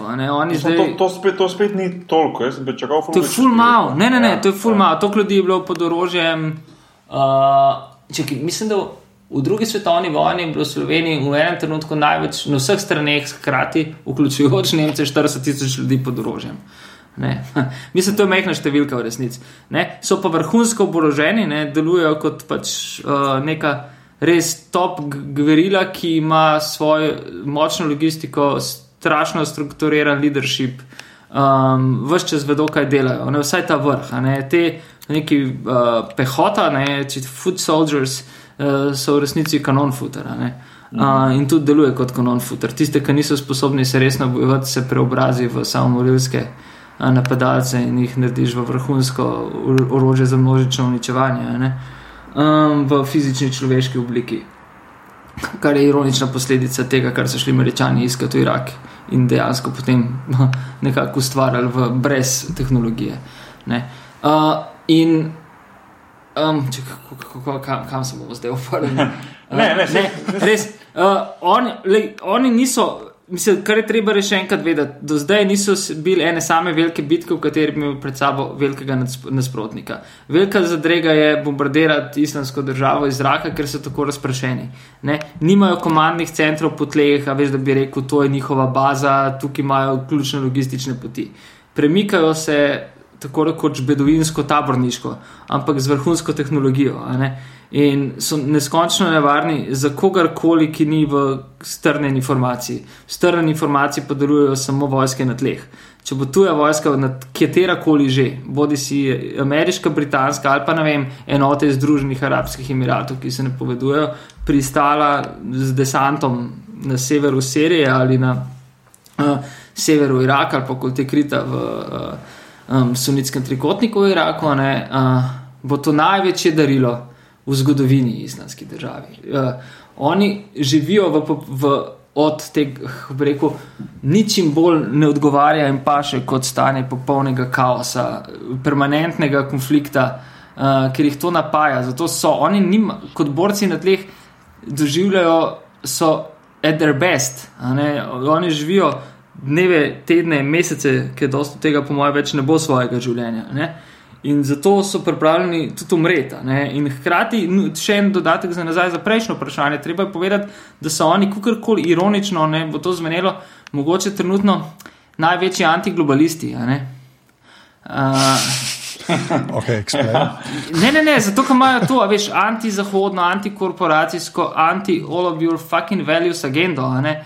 In to je tudi to, ne samo denar, je navlekel kar nekaj ljudi iz neislamskih krajev v njihove vrste. Ne.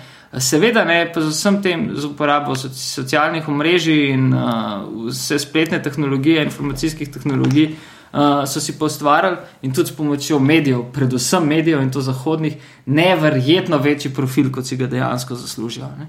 Oni so solidna milica, s katero se lahko ob resnem motivu obračuna v 48 urah. Pika, to sem, zato sem pripravljen dati hm, glavo. Ne, ne, ne ne. Ja. ne. Če, če hočeš uničiti, jih lahko uničiš kadarkoli. Lej, napada se kubani vse čas, ampak napada jih trop ljudi, ki se jih lahko ustavi kadarkoli, če se hoče ustaviti. Če bi Turki hoteli zaščititi kubane in pomagati kurdom, bi to naredili že zdavni. Okay, pa če prav štekam, tega ne naredijo. To sem gledal v živo, bil sem z njimi na meji na Ja. obeh straneh. Ej, ne. To je tako, kot da prideš na mesten avtobus in šest kretenov se spravi na neko žensko. Ne? Ampak, kako imaš pa 20 njenih navideznih frendov, ki so vsi neki martial art frajeri. Ampak, ampak to opazujejo, pa rečejo na glas: O, Boga. Ja, okay, to je Ja, ja, ja, deprast.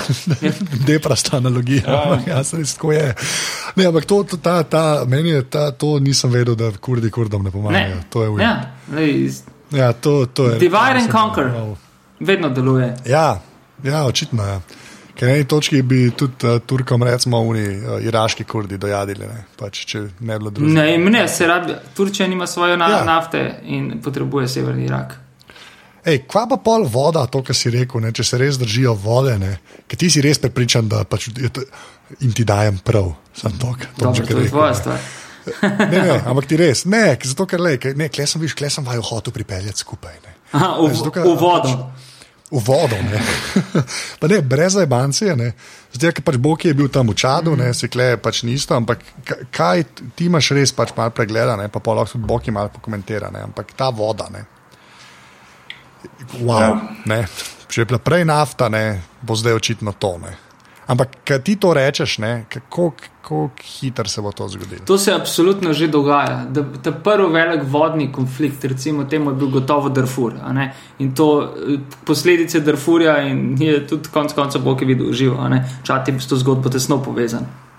Um, Sahara v Sahelu se širi tudi do 7 km letno proti jugu. Ne? Tudi do kilometrov? 7 km. Ne? Letno izginjajo uh, vo, sladkovodni veri, se tu pra, praktično sušijo zaradi klimatskih sprememb v celi sahelski regiji. Vse to sem takrat že res omenil. Ja. V bistvu tiste regije, mm. ko sem jih obiskal, to so govorili takrat pred 20-30 leti, je tam bilo normalno, mislim, trdvitno. To je zdaj pa v bistvu res dejansko samo poščava, oziroma tista, tak, ja, mislim, ni, ni, ni možno, ni možno nič. nič uh, To, to je irreversible. No? Ja, ja. Ja. To je bilo v bistvu nevrjetno verjeti, veš, že to so tako območja, ko v bistvu rekel, ni šans, da je tu kar, veš, ker mi smo pač navajeni tistega, kar vidiš, to je, ne? ampak oni so ne, so trdili 20-30 let nazaj, se je to dalo, zdaj pa ni. Ne? In, in nisem povedal za tako številko, da si rekel, mislim, da se to hitro to, to, to premika. Ne? Oziroma, yep. Eh, to, to, so šokant, to so res šokantni podatki. No. Um. To, je, to je vojna napoved, no? globalna mm. vojna napoved. Mm. Veš, pa se če pogledaš na zemljevid ne? in če si postaviš v čata, imaš po celem Sahelu, konc koncev na eni strani do Mauretanije, skoraj do Atlantske obale. Ne? In potem do Rdečega morja, do Port Sudana, recimo ne, na, na, na, zahodu, na vzhodu Sudana, imaš to sahelsko linijo, ki je praktično v permanentnem konfliktu. Ne. Sicer to ni strašno naseljen prostor, ne zaradi pač bivanskih pogojev, ampak se enormno, res enormno suši. Ne. Hkrati pa je treba povedati, da je res pomembno reči, ki jo zdaj, ker mi v Evropi, ki smo krivci za to, delno ignoriramo. Ne. Iz tega prostora, predvsem pa iz Severne Afrike, ne, ki se seveda tudi suši. Ne, uh, neverjetna količina ljudi poskuša bežati v Evropo. To niso več klasični ekonomski imigranti, to so klimatski begunci. To so prvi vali klimatskih beguncev, beguncev ki jih bomo v prihodnih desetletjih uh, videti povsod. In mi jih ubijamo in utapljamo svojo priseljensko politiko v Sredozemskem morju. Leta 2000 je v Sredozemskem morju umrlo 20 tisoč ljudi, dokumentirano, tisti, za katere nismo vedeli, številke ne poznamo. Ta številka je gotovo še strašljivo, strašljivo nekajkrat večja. Ne? In to je vse povezano. Kako bi rekel, greš, bežiš pred sušo in umreš v vodi. Uh, na drugi strani se to vleče prek, veš, ta Severna Afrika in bi rekel, srednji sahelski pas se direktno prepelje v bližnji vzhod. Vmes teče reka Nil, reka Nil, ob kateri se ne neposredno, ne, 11 držav bori za njene resurse, ne, pa jih v celoti praktično obvladujeta Egipt in delno Severni Sudan. Ne. Večinoma Egipt še starim britanskim kolonialnim dogovorom. Medtem je Etiopija zgradila največji jez uh, na tem delu in uh, v celoti, bi rekel, stvari postavlja na glavo. Naslednji konflikt, ki ga bomo, bomo pričali zelo blizu, je a, vojna med Egiptom in Etiopijo. To si upam trditi. Uh, ker Etio Etiopija, Etiopija ne bo ustavila gradnje svojega jeza. Ko bo zaezila Nil, se bo Egipt začel sušiti. Egipt, ki ima no, država z največjim številom arabskega prebivalstva, država, ki mu število prebivalstva enormno hitro narašča in ki je praktično v celoti ekonomsko in tudi družbeno, seveda tudi kulturno, ampak to je druga, tukaj ne tako pomembna dimenzija, odvisen od Nila. Celo kmetijstvo bo šlo v Maloro, 1, 2, 3, ko bo nastal tisti jaz. Ja, pa je to tu na milijardo od američanov na letno, več dostne. ja, ja. ja se tudi velik narod Etiopija dobiva od njih. A ja, Etiopijci tudi dobivajo od američanov. Seveda. Ja, okay, It's a Christian country, isn't it? A ja, valjda. No, ja, ja. Imajo, imajo, oboje imajo te GMC-je. Oh, to, to. Ne kupujejo, ne kupujejo to, kdo jo tam, ampak bolj Forde. to je product placement ali kako imaš ti to? Ne, ni product placement, samo ne. To je, ne čaj, jaz sem bil v Egiptu, ne, sicer kot turist, da ne bo pomotene, ampak tam se to dejansko pozna. Ker ti, če gledaš, to sem se z Bokem takrat pogovarjala, mislim, da sem tudi s tabo. Fucking Toyota so prišli. Čas, 999 avto, ki sem jih videl, samo Toyota, nevrjetno. No, Islamska država je samo Hiluxi. Ja, Hilux, to je to, to, to je avto novega, novih časov, konflikta. Ja, ampak jaz glih to hočem reči. Ne, v Egiptu, ne, ki jim pa američani jih zalagajo s cashom in pol valjda, če ti američani dajo denar, se takoj zraven preklopta GMC, pa GM, pa uh, Ford. Ne. Imaš pa kar naenkrat vojsko uh, egipčansko, ne v Fordih. Yeah. Dobro, si imajo tudi Abramse, veš, stare odslužene tanke, ne se če kameri oborožile. Ja, to je res. Ne. Ampak tako, hočem reči, ni to, kdo jod, kot bi človek mislil. Eš, to je bil moj pojem. Ne, res, ne, ne to za Etiopijo, pa ja, ok, kristijani. Ja, Dobro, s svojim močnim islamskim problemom na jugu, ogledno v meji z Somalijo. Um, Najbolj suhem delu sveta, seveda. Uh, What can possibly go wrong? Idealni pogoji za peskovnik, ja. peskovnik vojne. Dobesedno peskovnik. Ja. To, to, mi, to mi še omeni, ko si to mi še malo razloži, ko si takrat prek Twitterja, kar nas, mal, uh, nas je malo zaskrbelo, ko si začel omenjati tretjo svetovno vojno, povezavi z vodo pa s to regijo, uh, povezavi z Ukrajino in vsem tem. Dej, dej mal, dej mal mogoče tako. Zato zveni, da govoriš iz zaklonišča. ja, Bogi se, Bogi se že pripravlja. No, ampak, veš, mislim, jaz nisem, ne, nisem nek paničer pa nekaj takega, ampak te stvari, mislim, pogovoriti, kaj bi bilo, če bi bilo, kaj bo, če bo, to je meni zmerno zanimivo, to teoriziranje. Veš, in, in, uh, mogoče te malo objasni, kaj se s tem misli. No? V bistvu, na kak način si misli, da se skupaj povezati. Ko smo prišli na konec tisti kratkega Twitter pogovora, vse do Ukrajine, pa do vsega, ko si rekel, vse to je vse povezano, vse to je vse isto. Ne? Ne, mislim, isto, pač, da, da, ma, da, ma, da je to nek domino efekt. Ne? Da je mogoče malo, ja. tule, malo to malo, malo objasniti, ker je vseeno lažje se pogovarjati kot pa ti. Valde, ja. Pa je mogoče malo potolaži, pa me še malo prestraši. No. Ne, to, laž, to, laž, to, to lažem, te ne bom. Ne? Uh, ampak, lej, zdo, mislim, naj, po mojem, bi bilo najboljš imeti zemljevid pred uh, nosom. Vsega bomo, pogledat... bomo dali en zemljevid, vsega bomo najdli nek, nek, nek dober. Se mi smo mi naredili, na delu smo naredili to grafiko. Ne, ne, reči. Globalni smo neki propopali na aparatu, da se nekaj lahko. Mm, merno lahko gre link zraven. No, ja, ja, to, ja, ja, bomo dali link. Ja, bo. Kot rečeno, ne, praktično cela Severna Afrika je v nekem konfliktnem, kaotičnem stanju.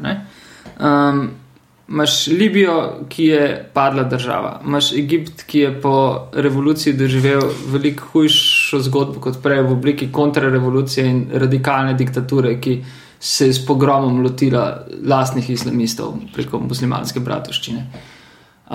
Imáš Bližnji vzhod, ki je na robu ha, rekel, odhoda, tako smo ga poznali v zgodovino, in ne, vsi, vse meje, ki so nastale po koncu Otomanskega imperija, oziroma že po letu 1916, se v tem času brišejo. Ne. Imaš Irak in Sirijo padli državi, ki sta v brutalni vojni v Siriji je umrlo že več kot 200 tisoč ljudi, 10 milijonov je notranje in zunanje razseljenih, treti, več kot tretjina prebivalstva. To so neverjetne številke. Ne?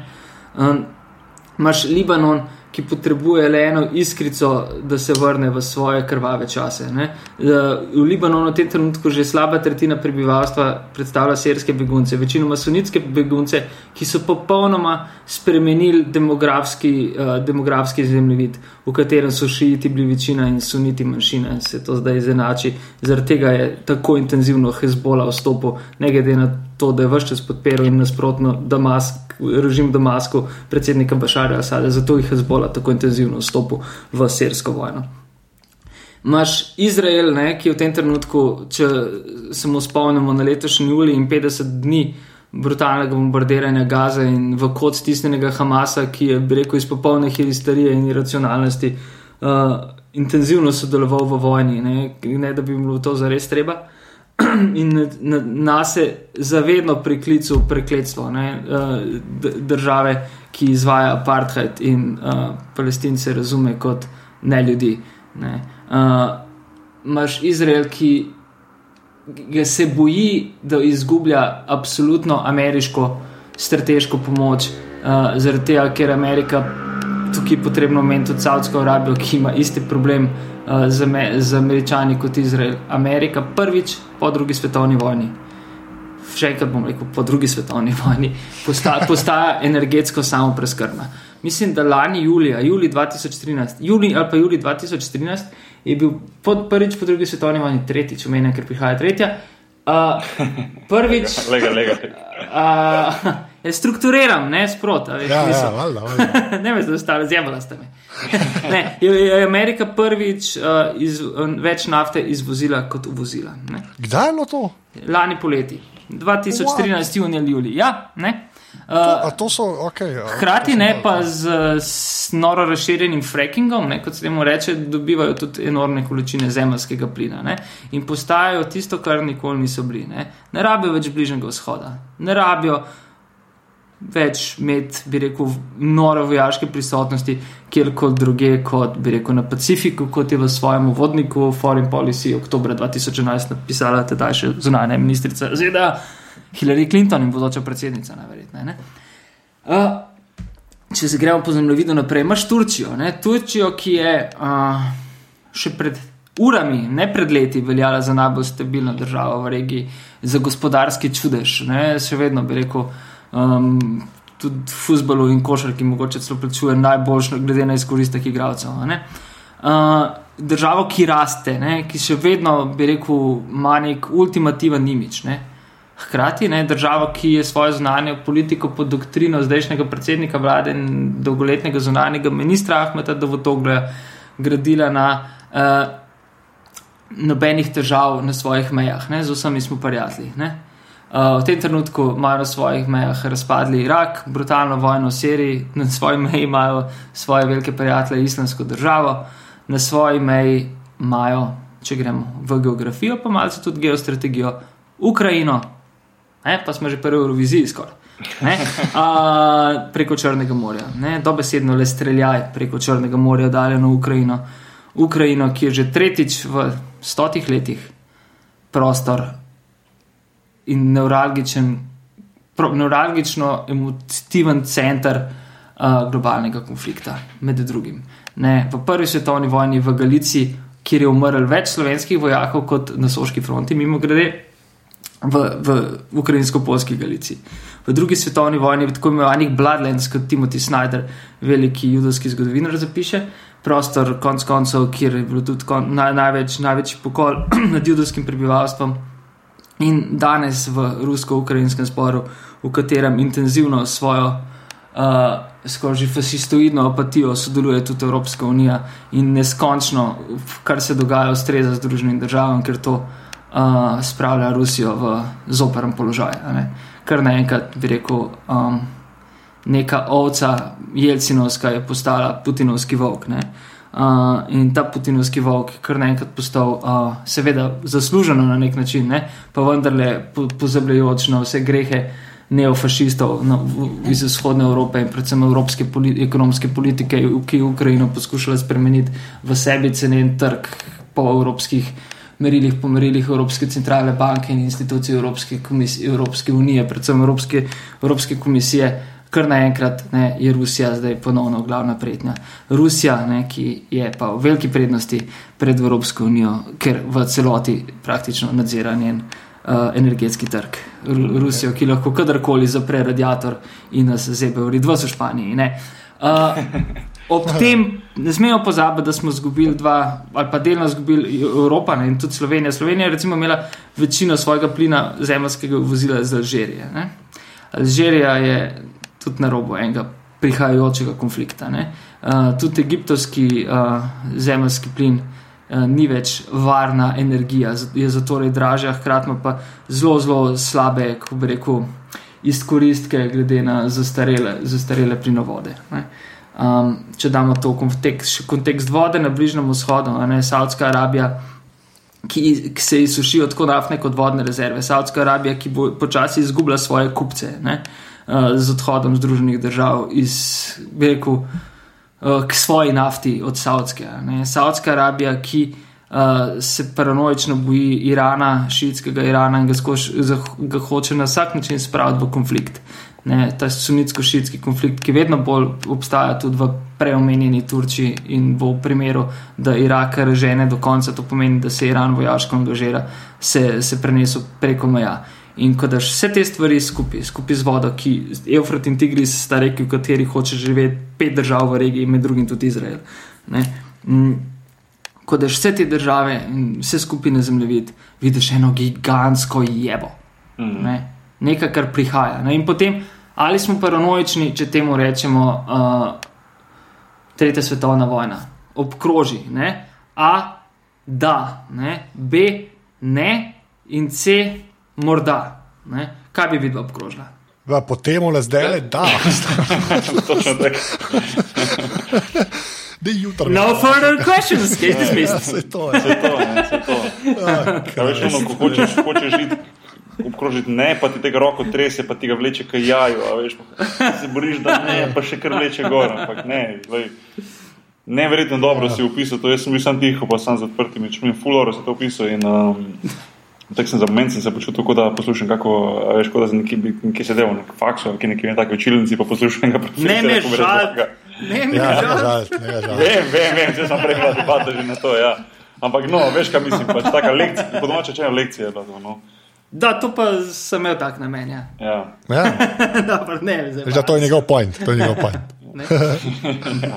Mislim, pač neki faktov strnenih, ne, ne se človek razume. Ne, pa se to, veš, se Ne pozabiti, še- v drugi svetovni vojni, ne, v Ameriki pozabo Pearl Harbor, ne, uh, ni bilo fajtov, v Avstraliji pozabimo na par submarines, ne, ki so napadali.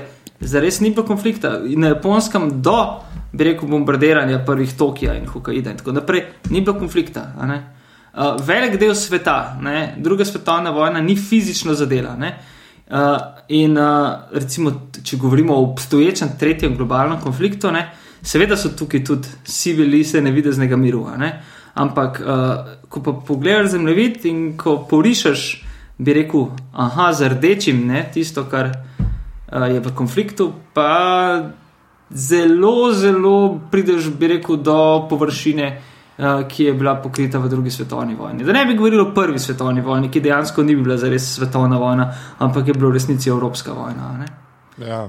Ja, no. Tako da, če Ja. to analogijo, mislim, seveda so bili upleten velik del sveta. No, vse to, vse ampak to. Vse, lih, lih, v- to v- imeli, lih, lih, mislim, zanimivo je to zdaj poslušati, kot takrat, ko smo se pogovarjali z, z, z, z gospodom Štepcem, veš, ki je bil iz, iz muzeja. Ne.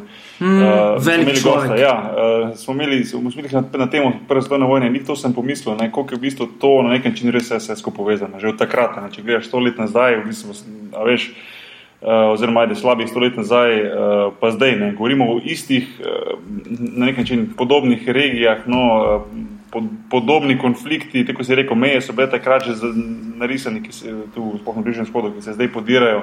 Se pravi, ima to neko povezavo z zgodovino, to ni konflikt, ki je nastal zdaj čez noč, ampak v bistvu se vleče že dlje časa. Ne, To je so- progress. Ja, vse to, so, so, vse te povezave so po svoje zanimive. Ne. Um, tako da, ja, lej. hvala ti, da si me zdaj ne mogel spati, vem ti, vidiš. Ne, zdaj boš spal v zaklonišču. To je itak, to je itak, tu imam srečo, imam tudi eno garažo spodaj, bom si kar tule zdaj spalko postavil pod leh, pa lepo tule. Ja. Pa par konzerv kup. ta. Tako ja, pa malo vode, pa bo. Veliko vode. Ja, bravo. O, um, lepo. zdaj, Botjan, uh, kar se mene tiče, se jaz bi lahko šel še naprej, še pa še pa še. In jaz mislim, da je bolj, da prešvaramo še za drugič to debato, da nadaljujemo. Uh, Uh, upam, da kmalo, no, uh, ne vem, sicer, kako imaš ti plan za naprej, a spet kam potuješ v bližnji prihodnosti, ali ne, ampak bi bilo v vsakem primeru mogoče ne bila slaba ideja, če se ti strinjaš, da se nekako se vrneš iz teh kriznih območij, da se mogoče spet dobimo, pa malo, malo podebatiramo situacijo, zdi, da Z debate, največjim veseljem. Ja, ko smo se mi zdi, te debate, ko smo danes imeli, so bile ena takih, ki, ki mene zelo zanima, pa verjamem, da bi tudi folk obdol zanimivo, uh, ko se lahko dejansko res sedeš in se pogovoriš o teh situacijah, konfliktih in tako naprej. Uh, veliko več je za tak pogovor, vse po mojem, no, kot pa recimo tisti dve minutni televizijski intervju ali pa, ali pa uh, še kako dobro napisan članek, uh, ki ga ti sicer res zelo dobro in jih pišeš in zelo dobro znaš risati situacije. Um, tako da še enkrat ti hvala za to pogumno poročanje iz teh, uh, z teh območij. No. Um, si pa kadarkoli zaželen gost na najem podkastu, ali kadarkoli bo želel, kontaktiri najo, pa, pa z veseljem se, se, se preklopimo na net, pa, pa naredimo to, kar smo danes naredili. Da ti ful hvala. Ja. Hvala vama, da sem mi Ja, to dobiš izvrstna reč. Ja. Ne, se je izkazal, zgleda, nič, nič ne škripa. in tako. Ja, ja, ja. Ne, saj jeti je fajn. Saj danes sem jih Bog je rekel, da v bistvu so zdaj njega najslabši. Jaz sem čisto kurčen.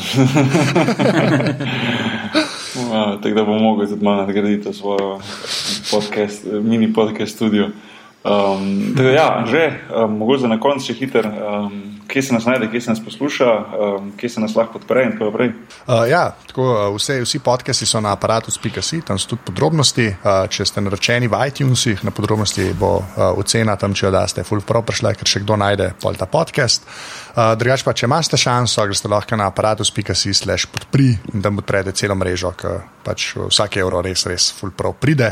Drugač nam pa tešte na Twitterju, bomo pa povedali, ki smo na Twitterju, imamo tudi mi dva mail z Bokijem, podrobnosti afnaaparatus.si, pa smo tudi na Facebooku, to skoraj zmeraj pozabimo. To, kar Pač to, kar nisi. ja. uh, aparatus.si Ja. ja. srčete uh, in uh, smo tudi tam. Pač, ja. pač hvala tisti, ki, ste, ki nam dajete ta feedback, pa ki ste v kontaktu z nami, kot vidite, no, tisti, ki ste pisali do zdaj na, na katerikoli me- ta- na katerikoli varianto, ki je on že opisal, vidite, da z veseljem odpišemo, se malo pohecamo, pokomentiramo, hvala za kakšne predloge, ki jih imate, mogoče kakšne članke, ki ste jih vi brali v povezavi s tem podcastom, pa s katerim drugim, eh, z veseljem preberemo, če, de, če delite vi, bomo mi delili naprej, tako da um, Uh, nas vse zelo veseli, da ta mreža raste. Uh, tako vas, poslušalcev, oziroma fanov tega podcasta, kot na splošno mrežo aparatov, tako da full thanks in me veseli, da se ta naša armada veča, uh, še malo pa bomo večji kot ISIS, umedno, da ne bi smeli reči. Ok, v glavnem. Uh, v glavnem, lepo štjan, uh, kadarkoli potuješ, kamorkoli potuješ, prosim, uno, be safe, pa to, pa, pa da se kaj javiti. Upam, da se res malo slišimo. Hvala ti še enkrat. Pa, uh, kje se te najde? A, se res, prosim, povej. Ja. Kaj ti lahko ljudje spremljajo, Boštjan? Oziroma, poleg člankov v delu. Uh, na, vem, Facebooku, Twitter, Twitter, Facebook, na Facebooku, na Twitterju, pod Bošti, na kadarkoli na delovi spletni strani, pa na www.bostjanvidensek.com, pa reko na vseh spletnih straneh, kjer so moje knjige. No. Ja. Cool. Se bo, bomo dali link na sajt ja. do knjig. Ja, ja. Vse polinkali. Boki, kje se pa tebe najde? Jaz sem pa Ed Boki Nahbar, Twitter, to je to. najbolj, najbolj. to je, to je res. Dobro, imaš tudi sajt, ne? ja, imam tudi sajt, je tudi uh, fanpage, oziroma Facebook, ne, ampak ja, tu sem, tu sem dejavn in uh, vedno rad uh, govorim, oziroma se pomenim. Sploh, če je to kaj zanimivega, da je pokomentira, vpraša, vem. Uh, Pa, najbolj pa na tem podkastu, basket, da malo na stran potisnem, ti se mi da, da pogovarjati. Uh, te, te teme, ko smo imeli pa danes in podobno, to pa z veseljem. Um, tako da ja, smo, smo v stiku. Uh, Anže, smo okay. še kaj pozabili, to? to? Uh, ja, jaz sem na Twitterju Afnan Zeta. To bo več ali manj to. Super. Ja, evo, uh, jaz sem zdaj rekel 3-4 uh, zdaj in pol rečemo adijo. 3-4 zdaj. Adijo. Adijo. Čau.